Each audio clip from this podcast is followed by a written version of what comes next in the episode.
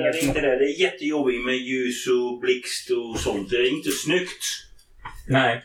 Sebastian är väl kanske inte känd för att vara så snygg. Men eh, här är vi i Du mitt... tror seriöst att jag pratar om Sebastian? eller? Ja. här är vi mitt i inspelning och eh, har en fotograf med. Vad heter du? Eh, fotograf. Herr fotograf.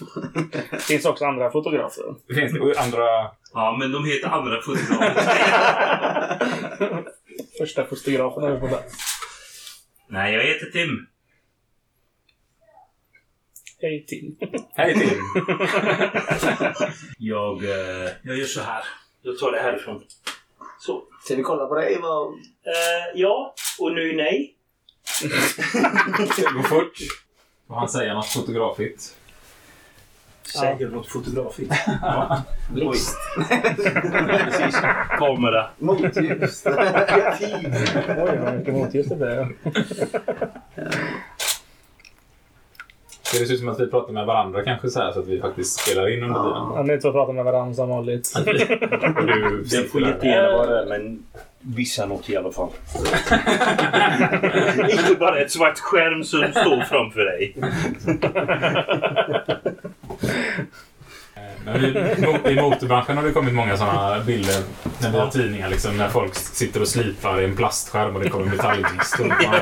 Ja, precis. Det är så dåligt. Ja, det här ser bättre ut. Man bara, nej det gör verkligen inte det. All, det här är ju en fordonsbransch. Ja, precis. Det blir Men har de bara lagt till det fake då eller? Ja. Ja, men vi hade en. Kan du sitta och slipa här så att det kommer gnistor? Så vi kan slipa, sitta och slipa in i en balk.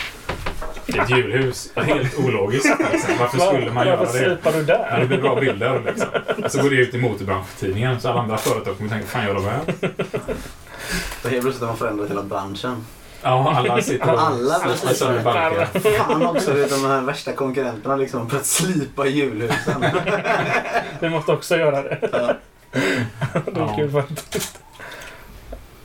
Big fucking deal. What the fuck are we doing out here? I ask you, what in the fuck are we doing here?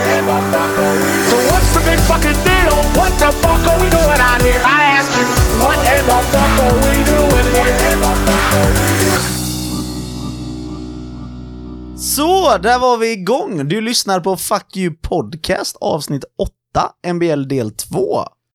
Ja, alltså gud vad det växer hela podden. Det här är ju helt fantastiskt. Eh, Det blir mer och mer lyssnare och fler som delar och delar och tack så jättemycket att ni hjälper till att dela den här podden. Det är ju bara så vi kan växa, för vi har inte direkt investerat några pengar i reklam och marknadsföring på den här, utan det bygger ju på att vi tillsammans, precis som allt annat i fackföreningsrörelsen, ska hjälpas åt och sprida det här.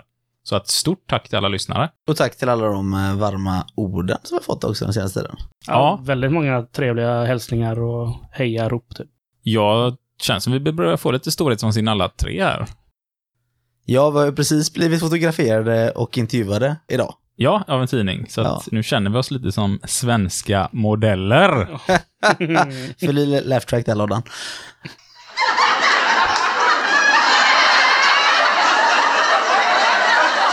Eh, Men allihopa som lyssnar, håll utkik i dagens arbete. Mm. Och du hade beställt en vit eh, sån här stor amerikansk bil nu och en eh, guldkostym om jag förstod det rätt. Ja, precis. Ja. Jag ska åka runt land och rike här nu. Ja. Mm.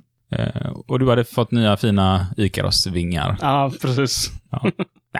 Skämt åsido, men eh, lite sån härlig feeling är det att få all den här feedbacken. Det är ju hur kul som helst verkligen. Ja, det är dock lite störande med de här byggarbetarna som håller på att bygga en statyn av dig här utanför. Ja, men det är ju inte jag själv som har tagit hit dem, utan det är de boende här i trakten som de vill ha en stor guldstaty av mig här vid sjön.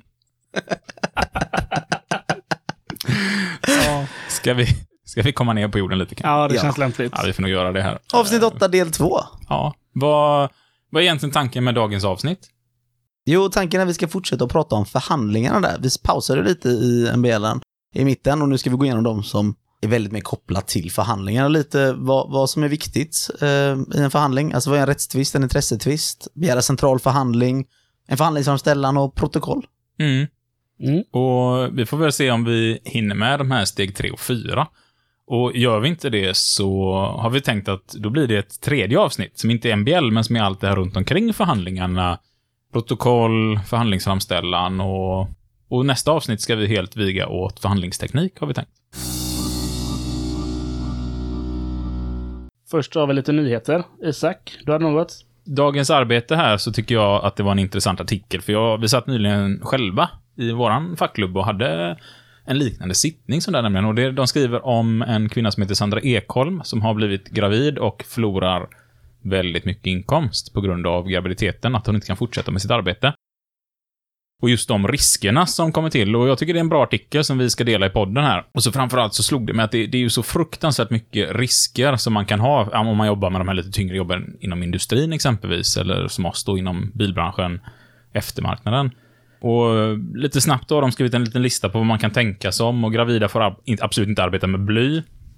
Och så vibrationer kan vara väldigt farligt för barnen. Buller, strålning, extrem värme eller kyla, fysisk belastning, lyft, arbetsställningar och så vidare. Smittämnen, cancerframkallande ämnen, kemiska ämnen, kvicksilver, kolmonoxid eh, och sen har vi de psykosociala faktorerna som kan påverka väldigt tidigt. Och eh, ja, alltså när vi började rota i detta på vår arbetsplats för att se hur ska vi göra så upptäckte vi ju att det är väldigt mycket man ska tänka på. Då slog det mig att det här borde vi göra ett helt avsnitt om. Alltså gravid och arbete. Mm. Vad ska man tänka på? Vad har man rätt till? Lite så här. För att jag vet att även, jag tror du, du berättade Sebastian att din fru har fått extremt mycket frågor om det här som hon har varit, hon är aktiv i Handels fackförbund.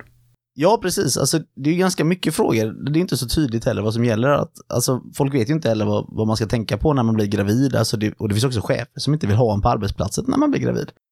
Eh, många vill inte göra de stegen som krävs. För man ska inte glömma att arbetsmiljön ska anpassas efter individen, men det tycker man inte man ska göra för en gravid person då. Så eh, det är ganska mycket frågor som, som kommer in, alltid från lönefrågor, där chefen bara skickar hem en och sådana saker. Hur, hur gör man då? Avslutar anställningar och sånt. Så jag tycker ändå att vi ska ta det här till ett senare avsnitt, för att det, det är ett ganska stort ämne. Ja, och folk som får lämna sina tjänster och, för att man inte känner till sina rättigheter. Och det hände ju faktiskt med min fru när hon var gravid, att hon hade ett litet extra jobb kan man säga under en tid, för hon hade inte sagt upp sig från sin, var tjänstledig från sitt vanliga jobb och eh, ja, men då helt enkelt så sa de till henne att vi kan inte ha det här för att du är gravid.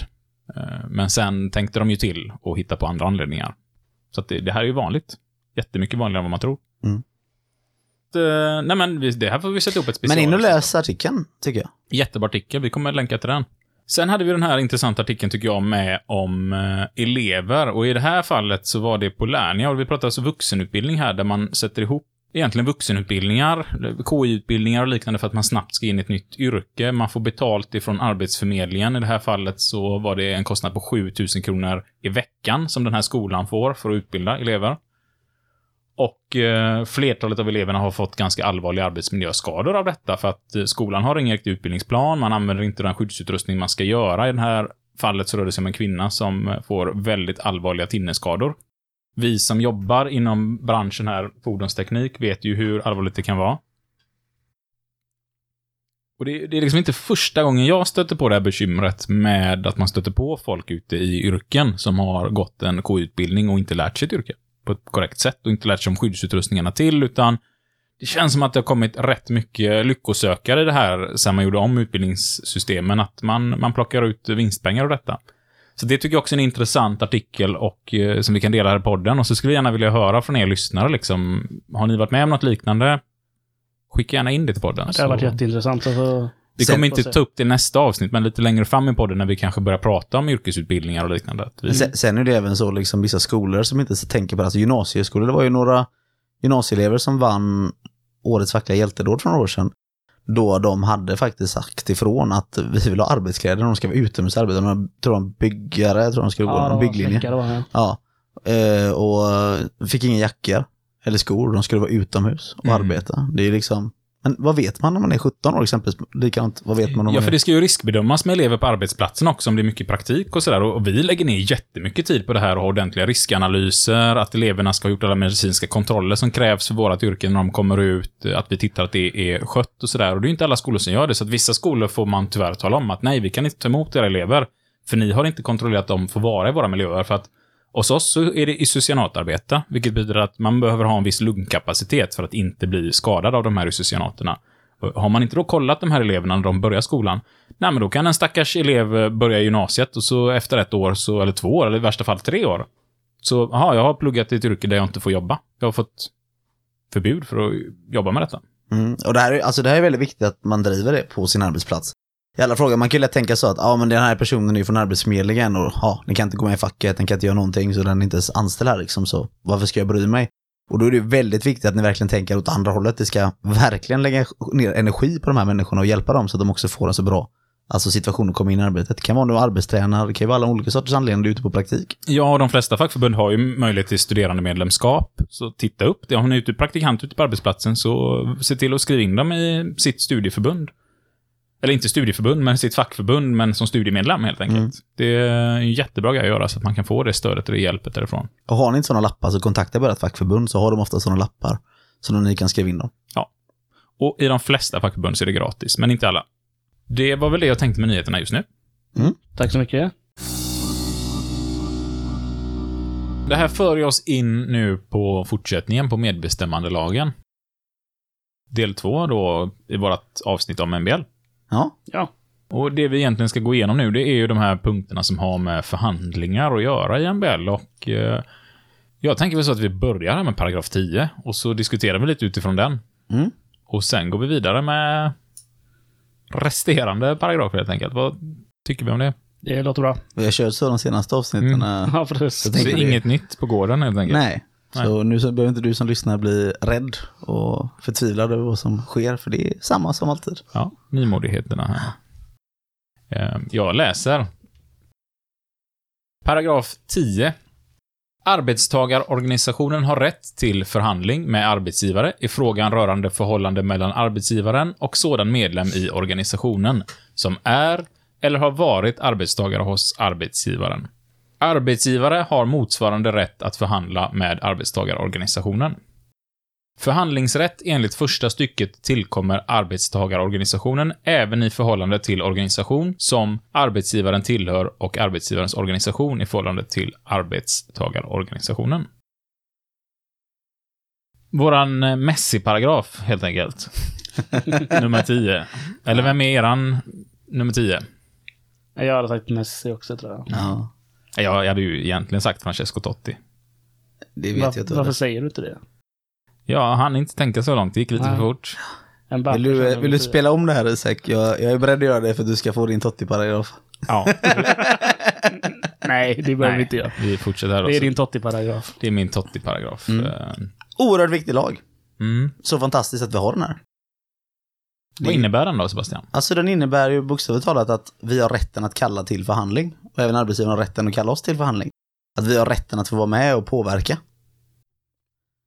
Det gäller ju alla frågor som rör förhållandet mellan arbetstagare och arbetsgivare. Och det är organisationen som har förhandlingsrätt gentemot arbetsgivaren. Eller dennes organisation. Det är inte den enskilda arbetstagaren som har det, alltså alla som jobbar på företaget har inte den enskilda rätten att gå in och kalla till förhandling med arbetsgivaren på det sättet. Paragrafen kan inte förhandlas bort. Den är inte alltså dispositiv, det vill säga att man kan förhandla bort den. Det går inte. Eh, Det är en ömsesidig rättighet, eh, det vill säga att båda parterna har rätt till förhandling med motparten. Mm. Men när använder vi den här eh, paragrafen, Jim? Alltså den används när vi ska teckna avtal och när vi ska begära skadestånd för brott i, alltså mot lag eller avtal. Och mm, ja, egentligen vid både rätts och intresseförhandlingar så använder vi den här.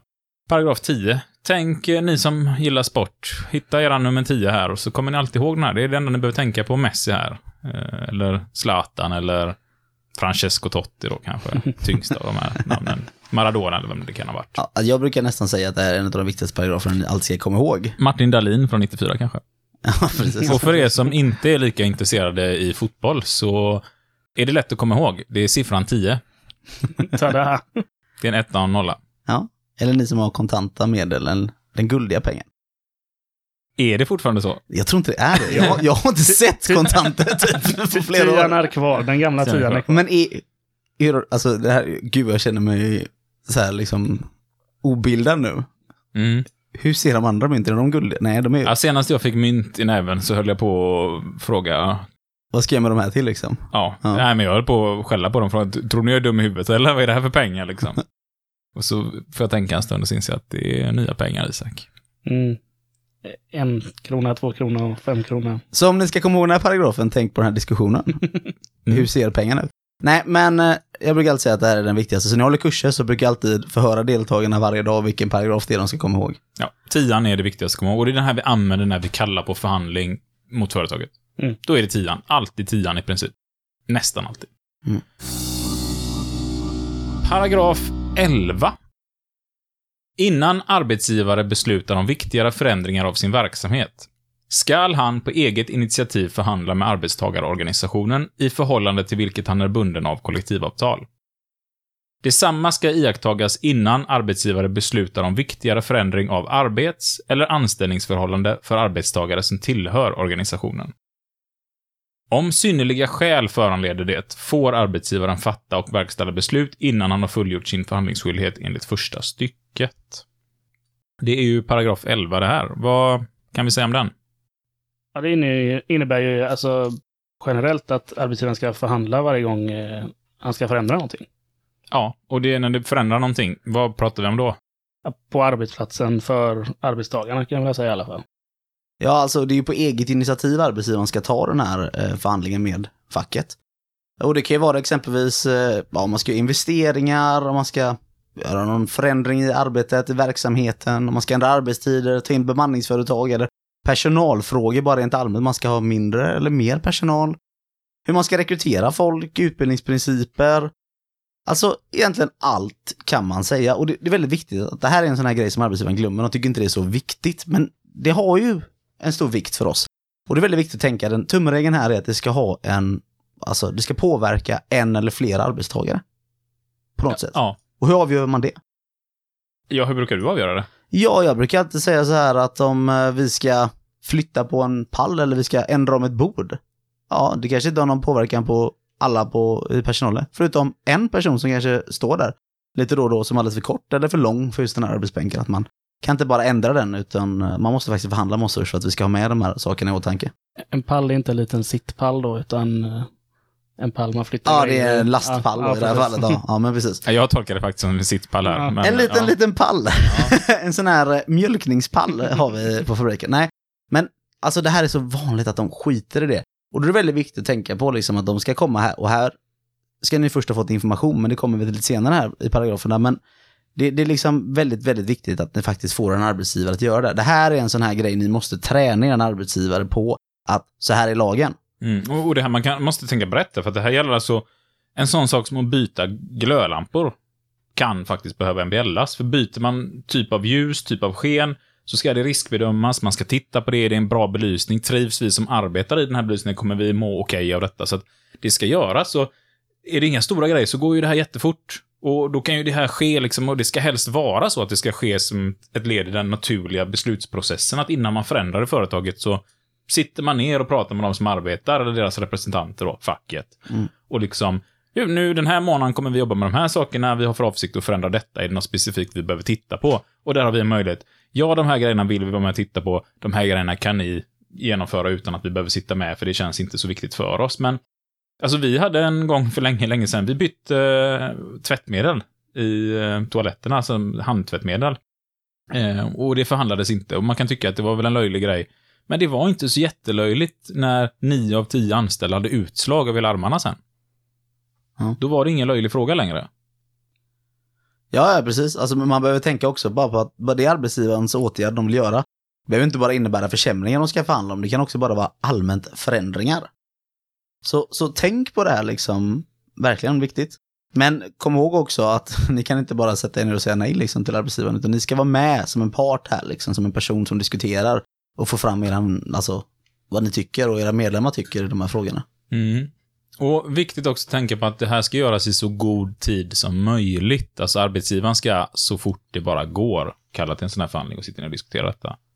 Ja, det är inte, vi har fem nya maskiner och de står på lastbilen här utanför, vi ska köra in dem. Utan det ska vara när vi har tänkt ta in en ny maskin eh, och den ska fungera så här. Vad tycker ni om detta? För ni ska vara med.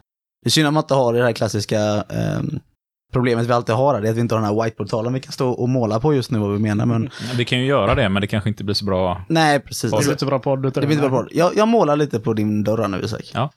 ska- nej, men alltså vi, vi blir oftast kallade, man brukar prata om liksom tid och eh, när det ska ske liksom någonting, alltså någon form av förändring och när vi blir kallade. Vi blir oftast kallade liksom att, eh, ja nu är allting klart. Vad, vad tycker ni om det här? Men vi ska ju vara med redan när man har en idé. Vad, vad tycker du om den här idén? Låter det som någonting bra? Och det ska man göra här via elvan. En elva måste inte vara, alltså paragraf 11 förhandlingen då, måste ju inte vara klar samma sittning. Utan man kan ajournera sig. Ni kanske måste prata med någon, rådfråga någon, kolla upp någonting. Så det kan ju ta flertalet förhandlingar innan man är klar med en primär förhandlingsskyldighet från arbetsgivarens håll. Ja, och en sån här viktig fråga också det här med vad är, betyder det här med synnerliga skäl? För det står ju att man kan göra en förändring om det är synnerliga skäl som föregår sig. Och då ska man tänka på det här att det är om något alltså, oförutsett händer. Man kan inte skylla på dålig planering eller att det, ja, vi hade inte tänkt på det i förväg, utan det här är alltså om det händer någonting utifrån kommande som man inte kan ha förutsatt och det är stora värden som står på spel, säger domarna kring det här. att det måste vara stora värden som står på spel, någonting man inte har kunnat påverka. Då kan man, eller arbetsgivaren, göra förändringen innan man har förhandlat med facket. Värt är också att att det är innan man har förhandlat med facket. Det är fortfarande en förhandlingsskyldighet. Så man ska så fort som möjligt sedan efter man har gjort detta sätta sig och tala om nu har vi redan varit tvungna att göra detta, här är anledningen, nu måste vi riskbedöma det, titta, behöver vi förändra det här beslutet i efterhand eller kan vi göra detta? Så att förhandlingsskyldigheten ligger kvar där. Och eh, det här gör arbetsgivaren under någonting som heter skadeståndsansvar, så att de kan fortfarande bli skadeståndsskyldiga om de har gjort de här genomföring eller förändringarna i verksamheten. Och den tycker jag är värd att ha med sig. Och är det nu så att arbetsgivaren bryter mot eh, elfte paragrafen här i MBL, så ska man begära förhandling i enlighet med Lionel Messi. Paragraf 10 i MBL. Ehm, och kräva skadestånd för detta. Och det kommer vi vara inne på sen att eh, när vi gör förhandlingsframställan så ska vi alltid skriva med att vi tänker yrka på skadestånd, eller kan yrka på skadestånd. Det ska stå med i en förhandlingsframställan så fort det är en rättstvist. Paragraf 12. När arbetstagarorganisation som avses i 11 paragrafen påkallar det, skall arbetsgivare även i annat fall än där det anges förhandla med organisationen innan han fattar eller verkställer beslut som rör medlem i organisationen. Om särskilda skäl föranleder det, får arbetsgivaren dock fatta och verkställa beslut innan han fullgjort sin förhandlingsskyldighet. Ja, den här paragrafen fungerar som en fallskärm för alla frågor vilka arbetsgivaren beslutar om. Men de som inte faller inne under då paragraf 11. Det vill säga det som vi pratade om förut här då att eh, det måste omfatta en arbetstagare. Det här kan ju vara lite andra saker då. Exempelvis arbetsgivaren ska flytta en vägg exempelvis eller ta bort en vägg eller ändra sätt, flytta en dörr och sådana saker. Det påverkar inte så mycket. Men det kan ändå så eh, vara så att det är så stor vikt för oss. Och där är lite skillnad då. Det här är nu att det är vi i facket som måste ta initiativ till den här förhandlingen då och begära förhandlingen att de inte får förändra eller alltså ta det beslutet innan förhandlingen är avslutad. Exempel på det här kan vara Säg att arbetsgivaren har köpt in en maskin och då blir det här lite som ett förhandlingsskyddsstopp kan man väl säga. Du kan, du kan inte genomföra den här förändringen, du kan inte komma in i fabriken förrän vi vet att den inte är farlig. Och då kan man alltså exempelvis förhandla om just den biten när man gör snabbt en riskanalys och sådana saker och diskutera just de frågorna. Inte kanske själva arbetet ska utföras. Här måste vi vara väldigt, alltså med hela MBL så gäller det att vi, det, det är ett givande och tagande. Så vi ska samverka med arbetsgivaren så att vi kan inte göra det här genom att gräva gruppar. Alltså vi kan inte bara skita i att låta arbetsgivaren liksom eh, göra det här brottet bara för att vi ska tro att vi ska få ut något skadestånd och sånt, utan vi ska vara med eh, och påverka. Hallå, nu håller ni på att bryta mot lagen och vi kan lägga en tolva här liksom, så kan vi ta den här förhandlingen nu innan ni genomför det här beslutet. Paragraf 14. Finns lokal arbetstagarorganisation skall förhandlingsskyldigheten enligt 11 till 13 paragrafen fullgöras i första hand genom förhandling med denne. Uppnås icke enighet vid förhandlingen enligt första stycket skall arbetsgivaren på begäran förhandla även med central arbetstagarorganisation. Och den här vill vi egentligen bara slänga med för att det är ju här då den talar om MBL att det är den lokala klubben man ska förhandla med om den finns. Ja, lite viktigt att veta här är ju att eh, är det någonting man ska vara överens om här så är det att man inte är överens för att man ska kunna gå centralt. Man ska få med det på protokollet att vi avslutar förhandlingen i oenighet. Ja, och det kommer vi ju att prata om i slutet av detta avsnittet eller i nästa avsnitt. Mm. Om hur man gör när man ska begära central förhandling. Paragraf 15. En part som är skyldig att förhandla ska själv eller genom ombud inställa sig vid förhandlingssammanträde och, om det behövs, lägga fram ett motiverat förslag till lösning av den fråga som förhandlingen avser. Parterna kan gemensamt välja någon annan form av förhandling än sammanträde. En arbetsgivare skall i samband med förhandlingen inför beslut om uppsägning på grund av arbetsbrist i god tid skriftligen underrätta motparten om 1. Skälen till de planerade uppsägningarna. 2. Antalet arbetstagare som avses bli uppsagda och vilken kategori de tillhör. 3. Antalet arbetstagare som normalt sysselsätts och vilka kategorier de tillhör. 4. Den tidsperiod under vilken uppsägningarna är avsedd att verkställas. 5. Beräkningsmetoden för eventuella ersättningar utöver vad som följer lag eller kollektivavtal vid uppsägning.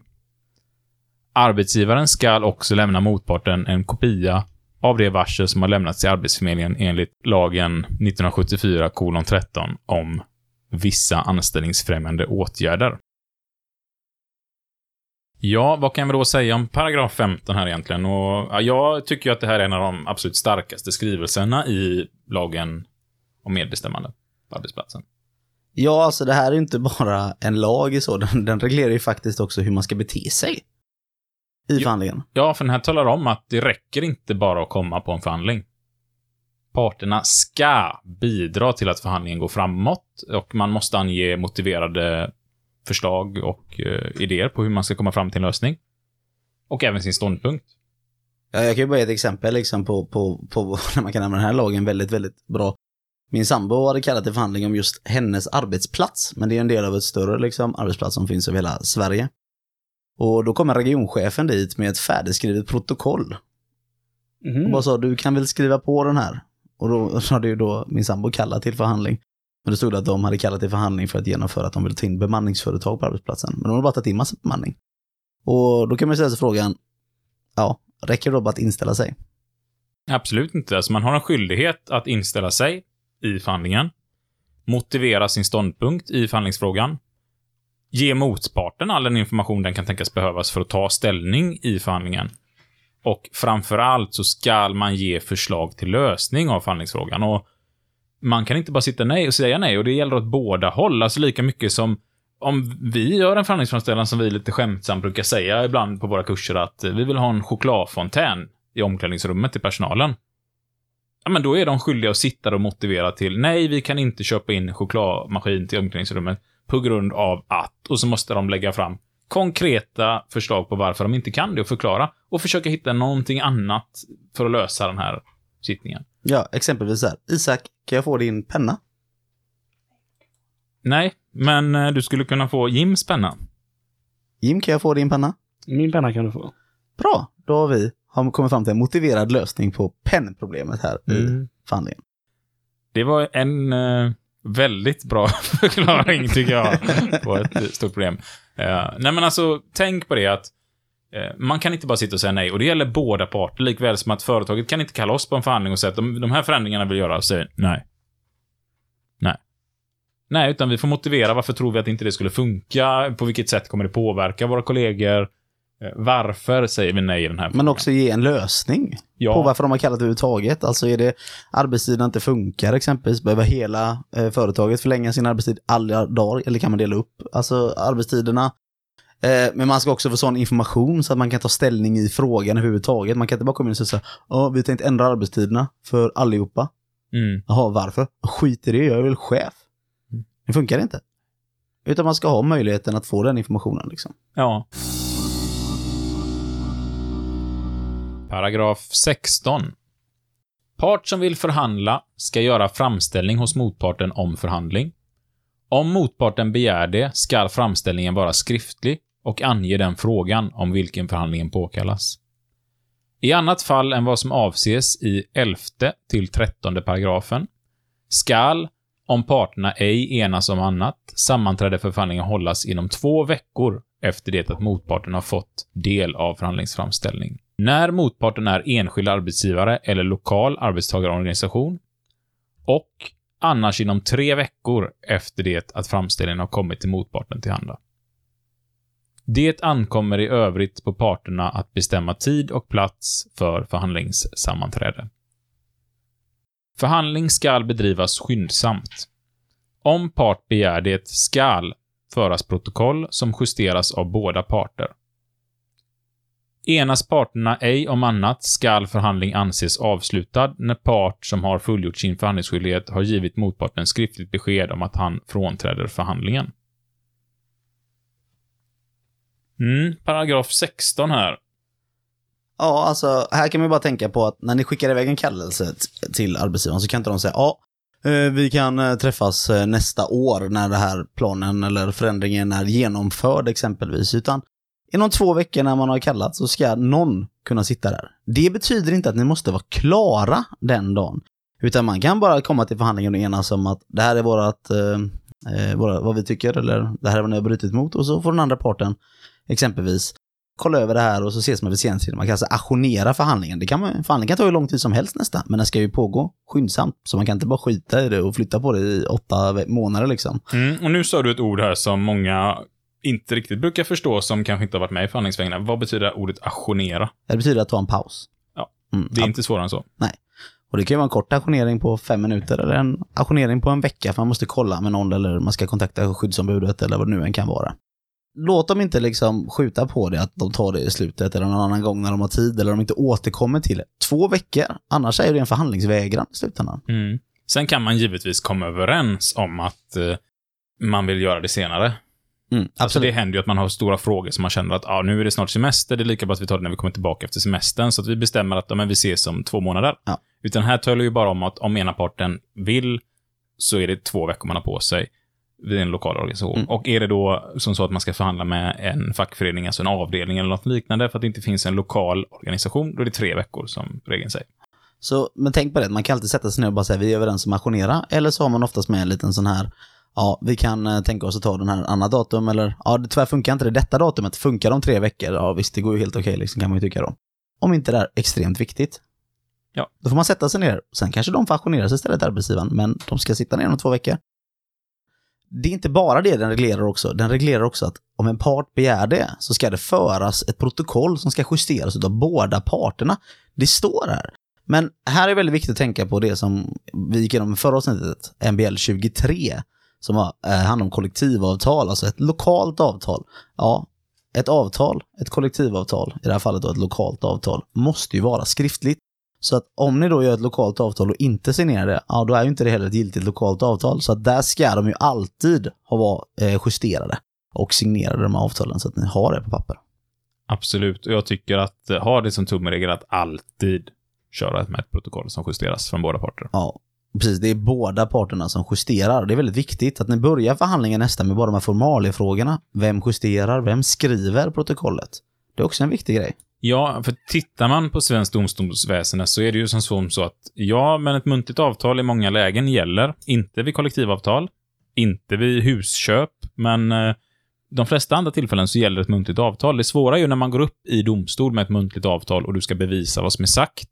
Att då har vi ju det här som faktiskt heter hellre fria än fälla. Mm. Det ska vara bortom allt rimligt tvivel att personen har gjort det här med avsikt eller brutit mot lagen. Och kan man då inte mena på att eh, man har något bevis på detta, utan det är ord mot ord, ja, men då ska tekniskt sett personen frias för att, eh, ja, Man kan inte bevisa att han har gjort det. nej. Mm.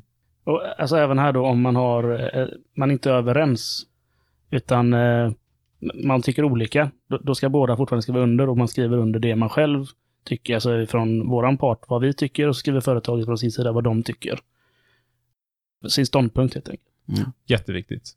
Så tänk på det. det. Det är en väldigt viktig fråga, för det ska man komma ihåg att ett protokoll är ju faktiskt egentligen det som har sagts på förhandlingen, men man bara förkortar det egentligen i vad man var överens om. Vi går vidare. Vi går vidare. Paragraf 17. Arbetstagare som har utsetts att företräda sin organisation vid förhandling får ej vägras skälig ledighet för att deltaga i förhandlingen. Och, eh, ja, även det här är en ganska viktig paragraf som faktiskt talar om att eh, ska man förhandla, då ska man också ha rätt till ledigheten för att gå på den här förhandlingen och tid att förbereda sig. Och det här kommer vi prata om när vi fortsätter att prata om det här. Vad ska man tänka på innan en förhandling, efter en förhandling och liknande. Och, alltså det finns ju ärenden. Jag har själv en vän som eh, blir kallad på förhandling. går upp till den här förhandlingen hos en hög chef. När han kommer tillbaka till sin arbetsgrupp så får han en varning och de vill sparka honom för att han har arbetsvägrat och gått ifrån sitt arbete. Det är ju... Ja. Och det här håller ju ja, inte. nej. Nej. Och det här är ett stort, stort företag liksom. Ja. Ja, men jag brukar alltid tänka på paragraf 17. Alltså många pratar om att man har facklig tid och sådana saker. Eller att man vill ha facklig tid. Eller hur mycket facklig tid har du? Eller vad gör du på din fackliga tid? Alltså, det här är ju det som jag använder det mesta. Det är ju egentligen slutändan av paragraf 17. Jag sitter ju och förhandlar för det mesta. Det är chans på att ni båda gör eh, det mesta av er tid, eller hur? En hel del, absolut. Ja. Mycket i alla fall. Och det är ju det här tiden man ska använda då egentligen. För att den fackliga tiden sen, när vi, prat, vi har pratat om det i FML, det är att man har rätt att hjälpa medlemmar och sådana saker. Men det här är för att förbereda sig. Det kan man inte heller komma överens med sin arbetsgivare. Hur mycket tid behöver du för att förbereda dig inför förhandlingar?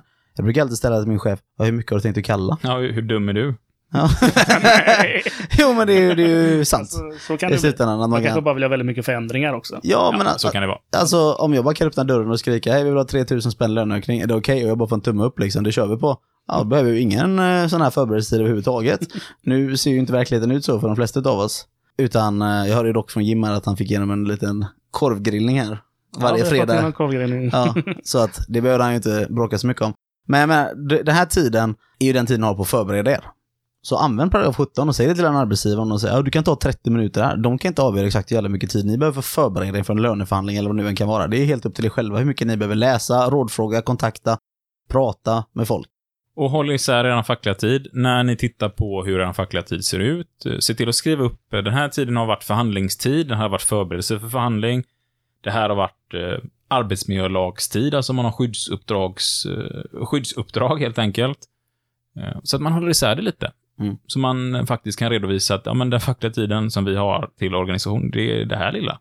För jag, att det är ofta det vi klantar oss på. Vi tar loss en tid och så tänker vi att vi ska hinna allting och så gör vi inte det. jag, jag fick en liten utskällning, vad det kan ha varit tre år sedan, jag och min dåvarande vice ordförande.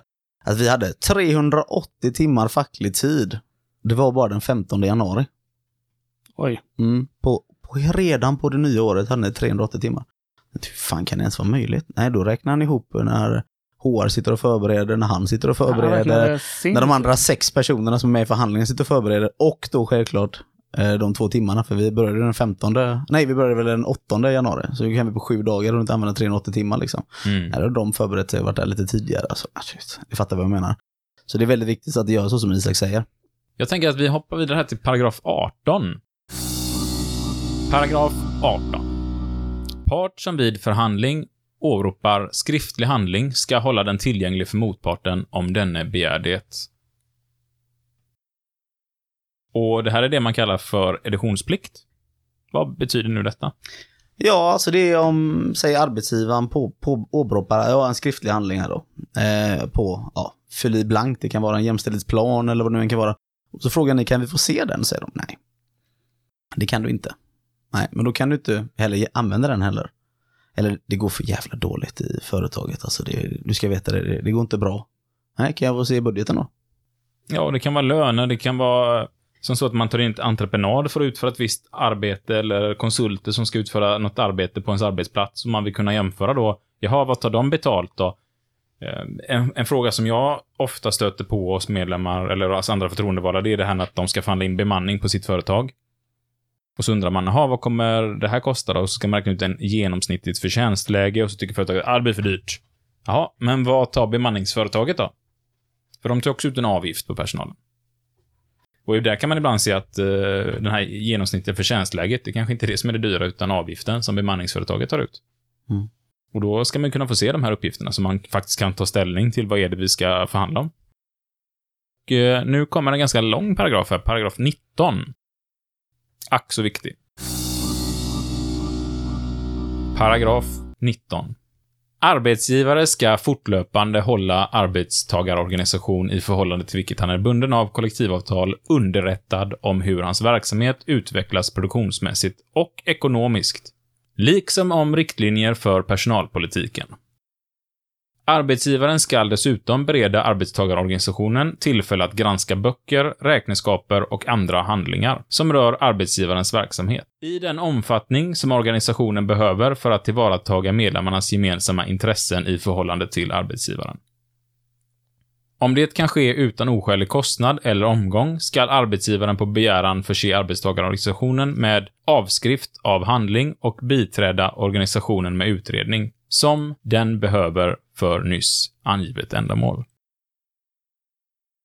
19a. En arbetsgivare som inte är bunden av något kollektivavtal alls skall fortlöpande hålla arbetstagarorganisationer som har medlemmar som arbetstagare hos arbetsgivaren underrättade om hur verksamheten utvecklas produktionsmässigt och ekonomiskt, liksom om riktlinjerna för personalpolitik. 19b. Arbetstagare som har utsetts att företräda sin organisation för att ta emot information enligt 19a får inte vägras skälig ledighet för att ta emot informationen. Det här är ju den eh, sjukt viktiga paragrafen som säger att arbetsgivaren måste ge oss information om hur det går produktionsmässigt och ekonomiskt. Ja, och det ska man göra fortlöpande. Så ska man hålla oss underrättad exakt hur de här grejerna utvecklas då. Det ska vara riktigt skriftliga grejer som man kan få se och ta och känna på liksom och fråga om saker. Och det är ganska viktigt att göra det här. Och det här kan man ju göra på olika sätt. Alltså man kan göra det här att man, ja, så fort något nytt händer så ska man sitta på förhandling eller få ett papper. Alltså, man får ju komma överens om hur man vill tillämpa den här på arbetsplatsen, tycker jag alltid är det bästa sättet. Eh, exempelvis på min arbetsplats så har vi en gång varannan vecka i sådana här möten. Om någonting större händer så har vi det liksom självklart oftare, men bara lite mer allmänt, det här händer just nu. Och det är ganska bra, för då får vi också den möjligheten att kunna förbereda oss inför kommande förhandlingar, om vi vill kalla på förhandlingar. Alltså vi säger att företaget har, eh, ja, de presenterar att det går bara riktigt dåligt och så frågar man, ja vad gör ni åt det? Nej, vi hoppas på att det ska ändras liksom. Då kanske vi har någon jättebra idé vi anställer liksom som vi vill påverka för att det ska gå bättre exempelvis. Ja, då kan vi kalla till förhandling för att få dem att, i den riktningen exempelvis. Jag tycker alltid ni ska ta en diskussion med en arbetsgivare om hur ni vill ha det. För att det här är liksom en sån här klassisk grej också, som jag sa om, om elvan förut. Ni måste träna en arbetsgivare. De tycker inte att de behöver informera er om saker och ting. Det är ju de som är chefer. Men ni har den rätten. Och det är samma sak här. Ni har ju också den rätten till att vara ledig. Man ska inte vägras ledigt för att delta på de här grejerna. Så tänk verkligen på det. Och det här är ju en sån här paragraf som jag tycker att alldeles för många fackliga inom privat sektor nu är alldeles för dåligt pålästa i. För att om vi ska in och löneförhandla, vi måste ju ha stenkoll på hur går det för företaget. Man kan ju inte kliva in på en löneförhandling och ja, vi vill ha 4 000 spänn. Jaha, men har du inte sett? Vi går ju en miljon back i månaden. Alltså det håller ju inte. Nej. Men sen finns det företag där man säger, ja, vi gick back 200 000 nu. Oj, tänker alla personalen, det går illa, det går illa. Jaha, det är 200 000 back mot budget och budgeten är satt på att göra 10 miljarder i vinst. Alltså det är det här vi måste ha koll på. Vi måste titta, vad är det de pratar om? Vad är det de menar när de går back? Är det back mot budget? Är det back mot fjolårsresultatet? Är det back rent mot siffran noll? Alltså, går vi minus i företaget helt och hållet? Alltså, det är jätteviktigt. Och jag menar, vill vi ha den här chokladfontänen nu i omklädningsrummet? ja, då behöver vi veta hur det ser ut ekonomiskt i företaget. Eh, och alldeles för många vet inte ens vad gjorde vi för vinst förra året. Mm. Alltså hur blev slutresultatet? Och av de som vet vad slutresultatet var, hur, hur mycket växte företaget? Alltså man kanske, ja, vi gick bara 100 000 plus i hela företaget. Ja, men vi köpte upp bolag för ett par miljarder också. Det är väl jätteintressant att veta. Och det är därför det är så viktigt att få skriftligt material, så ni kan gå igenom de här siffrorna liksom. Och det kanske är svårt för er att förstå en budget exempelvis. Ja, men ställ frågan. Alltså frågar man inte så får man inget svar. För att det är väldigt viktigt, precis som Isak säger här, ja det går dåligt. Alltså många företag sparar pengar också exempelvis. Man sparar pengarna, de har inte gått plus. De ligger bara på ett konto i företaget, men man har inte gjort någon vinst. Man har sparat pengarna i bolaget. Exempelvis. Och en annan grej också, om de bara får muntlig information. Om ni får bara muntlig information. Ja, det går så bra, det går så bra. Det är gröna siffror hela, hela vägen. Och sen så plötsligt så bara, nej, vi måste sparka halva styrkan, det har gått åt helvete. Ja, det kanske man tycker var lite konstigt då. Men har ni då skriftlig information när ni själva kan se de här siffrorna så vet ni, ja men ni har ju sparat också en halv miljard på liksom eh, första kvartalet. Hur, hur, hur är det möjligt? Ja, och den här informationen vi får, säger lagen, den ska vara begriplig för oss. Och behöver vi hjälp och göra en utredning på det, så är det paragraf 19 vi använder till detta. För vi ska kunna framstående arbeta fackligt och eh, tillvarata våra kollegors intressen. Paragraf 21. Part som ska lämna information har rätt till förhandling med motparten om tystnadsplikt rörande den informationen som ska lämnas. Om förhandlingen avser information enligt 19 paragrafen äger 14 paragrafen motsvarande tillämpning. Uppnås icke enighet vid förhandling enligt första stycket kan parten väcka talan vid domstol om tystnadsplikt. Sådan talan skall väckas inom tio dagar efter det att förhandlingen har avslutats. Domstolen skall förordna om tystnadsplikt i den mån det antagas att det annars skulle föreligga risk för väsentlig skada för part eller annan. Har part påkallat förhandling om tystnadsplikt och iakttager han föreskrifterna i första hand och andra styckena, gäller till dess frågan har blivit slutligt avgjord den tystnadsplikt som han kräver.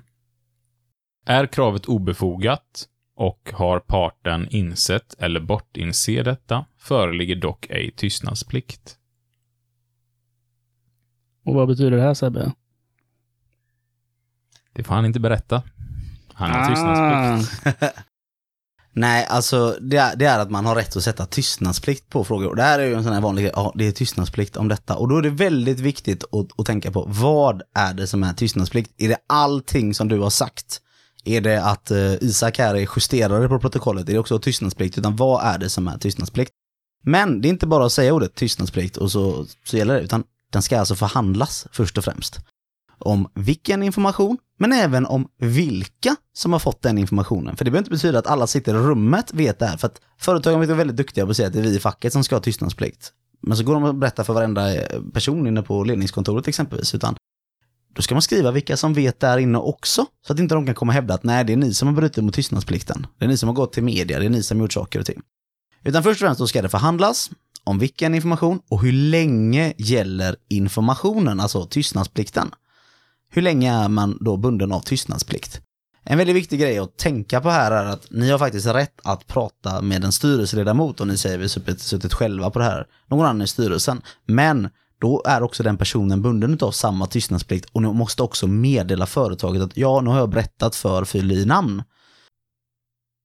För det är väldigt viktigt att tänka på att man blir ju skadeståndsskyldig om man bryter mot tystnadsplikten. Alltså det kan ju vara exempelvis så att man, ja, man går ut med någonting till tidningen, eller den personen gör det, eh, som, som på något sätt kan skada företaget ekonomiskt, att man säger att eh, ja, det här restaurangen har den äckligaste maten på grund av att de ja, missköter eh, hygienen exempelvis, och så tappar man kunder på detta. Eh, då kan man bli skadeståndsskyldig om, om, om företaget har, har eh, märkt att det är du som har gjort detta. Ja. Och är det nu så att ni sitter i en bolagsstyrelse och får information om sådant som kan påverka aktiemarknaden, då är det ju helt andra regler som gäller här i vilka ni får tala om det, för då ska det insideranmälas till Finansinspektionen lite liknande, så att eh, då behöver ni kolla upp extra noga med ert förbund eller med ert företag vad ni kan eller vad ni inte kan lämna vidare. Så går vi inte in djupare på det nu. Mm. Så får vi se om det blir ett långt framtida avsnitt om hur det är att sitta i bolagsstyrelse och Finansinspektion och lite sånt där. Nu har vi gått igenom vad lagen säger egentligen kring förhandlingsreglerna om man ska vara lite krass så, eller hur? Mm. Ja, absolut. Men då är det så att i, i många fackförbund så har man kommit fram på andra eh, sätt att göra det här. Exempelvis vet jag att Kommunal har ju samverkansmodellen. Eh, där de har sina samverkansavtal som reglerar hur de ska få information, hur de sköter sina förhandlingar. Och jag vet att många tjänsteförbund också har det. Så att det kan ju se lite annorlunda ut, men det är de här grunderna som man stöttar sig på när man sitter i samverkansförhandling exempelvis. Det är de här grejerna som man har förbättrat i ett sånt avtal. Ja, och det ska man tänka på om man nu sitter och förhandlar kring sånt här och man får ett erbjudande, eller vad ska jag säga, att förhandla in ett samverkansavtal. Då bör man verkligen titta på vad är det vi reglerar i MBL där i så fall.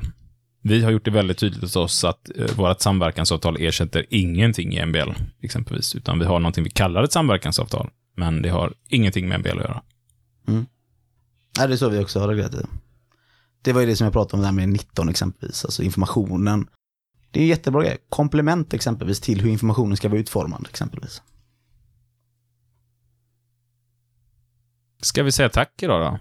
Ja, ja, det tycker jag vi kan. Och så blir det ett tydligt start på avsnitt 9 där vi fortsätter med det här med ja, men svåra begrepp och skillnader i förhandlingar. Vi har ju rätt mycket olika typer av begrepp, alltså överenskommelse, lokal överenskommelse, vad är skillnaden på det? Avtal, kollektivavtal, riksavtal, vad är den stora skillnaden däremellan?